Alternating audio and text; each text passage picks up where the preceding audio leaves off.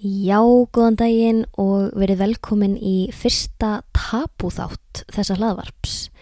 Ég ætla að gera nokkra svona þætti þar sem ég fjalla um eh, orðatabú eða tabúið í tungumálinu. Tabúorð eða bannorð má segja að eh, séu tabú í þeim skilningi að því vísi í eitthvað sem veldur okkur óþægindum og við veigurum okkur þessuna við að segja. Sjálft orðið tabú er eh, skilgreint samkvæmt íslenskri nútímamáls orðabók sem málefni sem bannhelgi er á. Orðið er pólinesíst að uppruna á uppruna sinn í Kirrahafi og tabú á upprunalega að hafa þýtt eitthvað eins og það sem er bannað eða, eða það sem er heilagt jafnvel. En aðtíð að þessi orð sem ég mun fjalla um í þessum þáttum, þessi orð sem ég kalla bannorð eða tabúorð þurfa ekki endilega að vísa í það sem er álitið tabú í samfélaginu. Eins og orðið sifjaspell myndi til dæmis ekki kallast bannorð, orðið sjálft veldur okkur ekki óþægindum. Ég er að tala um þessi grófu orð innan gæsalappa, orð sem geta fengið okkur til að hugsa okkur tvísvar um áður ef við nótum þau. Ég held að flest allir hafi upplifað einhvers konar innri rökræðu, hugsa á ég bara að segja það, segja bara píka eða á ég kannski að finna formlegra, hlutlausara orð, hendar það kannski betur í, í þessum félagskap eða þessum aðstæðum. Og þetta gerum við vegna þess að að einhver leiti eru orðin óaðskiljanlegur hluti sjálfs fyrirbærisins. En já, þeir verða sem sé nokkrir, þessir tabúþættir og um, þemað verður mismunandi. Í dag ætlum við að fjalla um orð sem notuð eru yfir sjálfsfróun. Við ætlum að líta á orð tengt sjálfsfróun í íslensku og sambarilega orð í ennsku og skandinavísku. Byrjum á orðinu fróa eða orðasambandinu að fróa sér. Í grunninn þýðir sögnin fróa einfallega að veita fró og hvað er fró? Fró er eh, léttir, linun, hugsvölun. Orðið fró er talið vera af eh, þýskum ættum og eh, dæmu um hvernig það er notað í setningu kemur fram á máli.is. Minningarnar voru henni fró í sorginni minningarnar voru sérsagt léttir í, í erfiðleikunum eða linun í þjáningunni. Og með því að fróa þá, þá léttir maður á. Í dag skýrskotar orðasambandið fróa sér til léttisins sem fylgir þessari kynferðslegu útrás. Á dönsku er eh, tilfæðstila eitt af orðunum sem er notað yfir það að eh, fróa sér. Sambarleg hugsun þar að baki felur í sér að með sjálfsfróninni náist einhvers konar sátt að manni sé veittur léttir og eh, þetta er hugsunin að baki orðunum yfir það að fróa sér í mörgum öðrum tungumálum.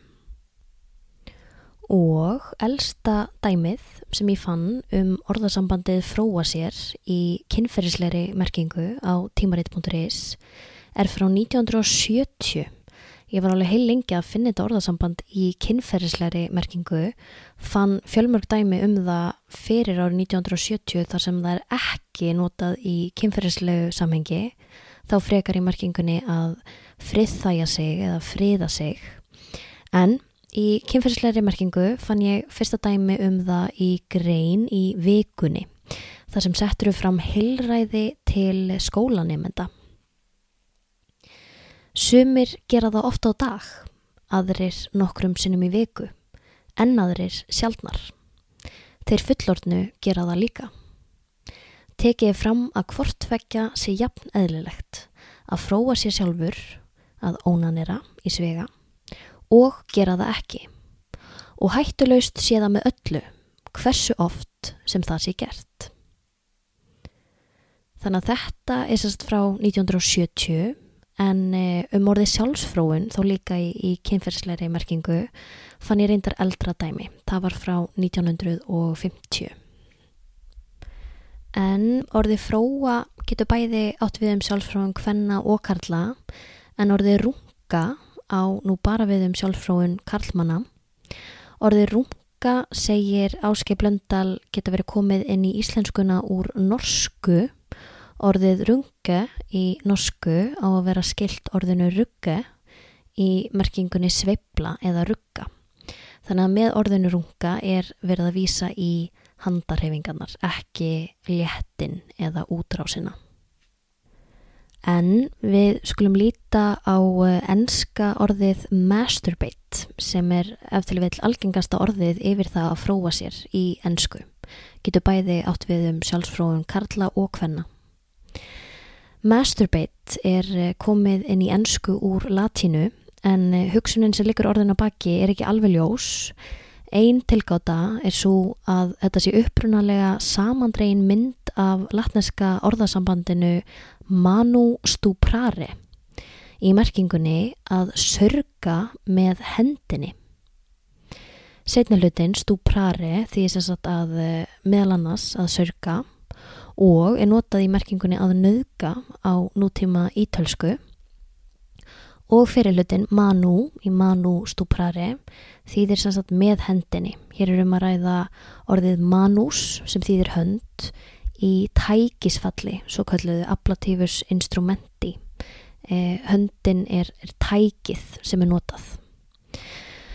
Þannig að ef, ef tilgáttan er rétt að masturbate sé komið af þessu orðasambandi, manu stuprare, þá er hugsunin svo að sá sem stundar sjálfsfróun sé að sörga sig eða óhreinga sig og hann gerir það með hendinni. Þannig að hér er greinilega vísað í skammarlegt aðtæfi.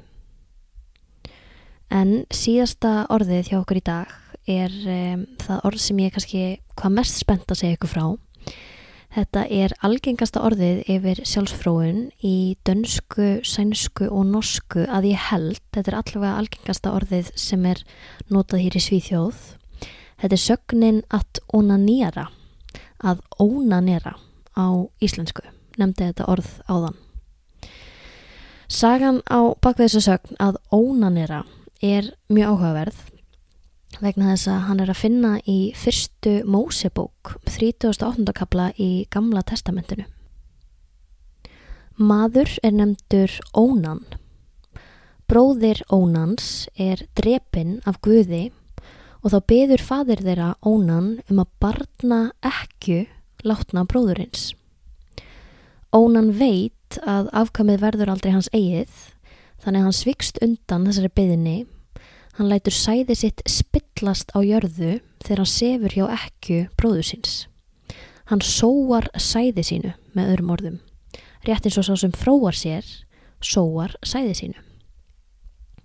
Þannig að já, algengasta skandinaviska eða allavega sænska orðið yfir sjálfsfróun er í raun biblíuvísun að ónanera er að gera eins og ónan að láta sæði sitt fara til spillis.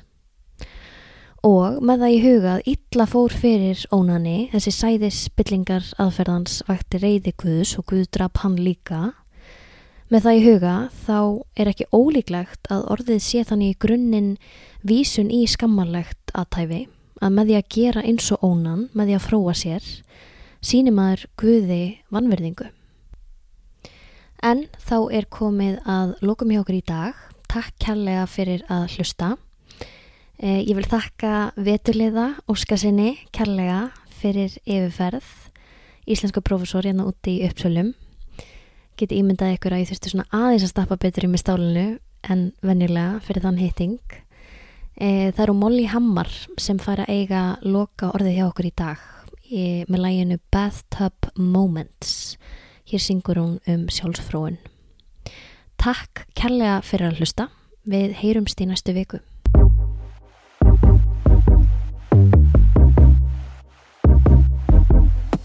The bathtub doing what I do best. Taking care of what you couldn't do, babe. I need a hand, don't need a man. I need a hand, don't need a man. Making waves, they touch me in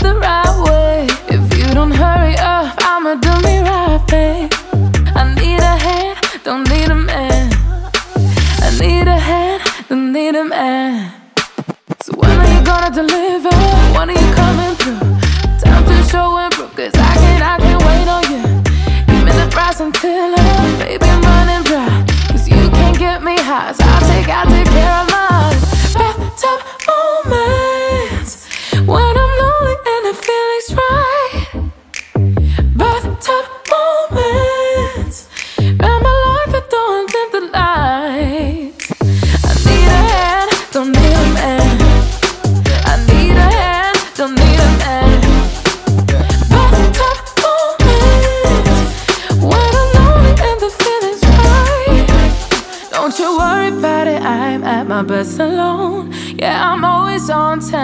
I'm in control.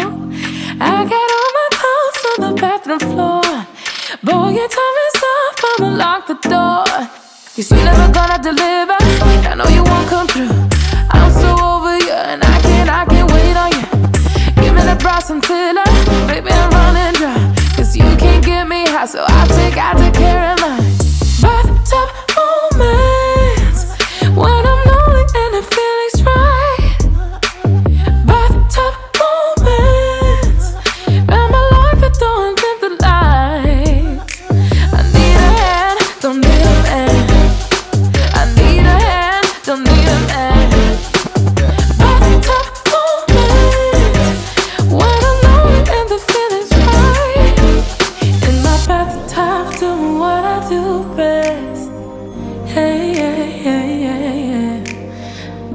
Myself, doing it myself.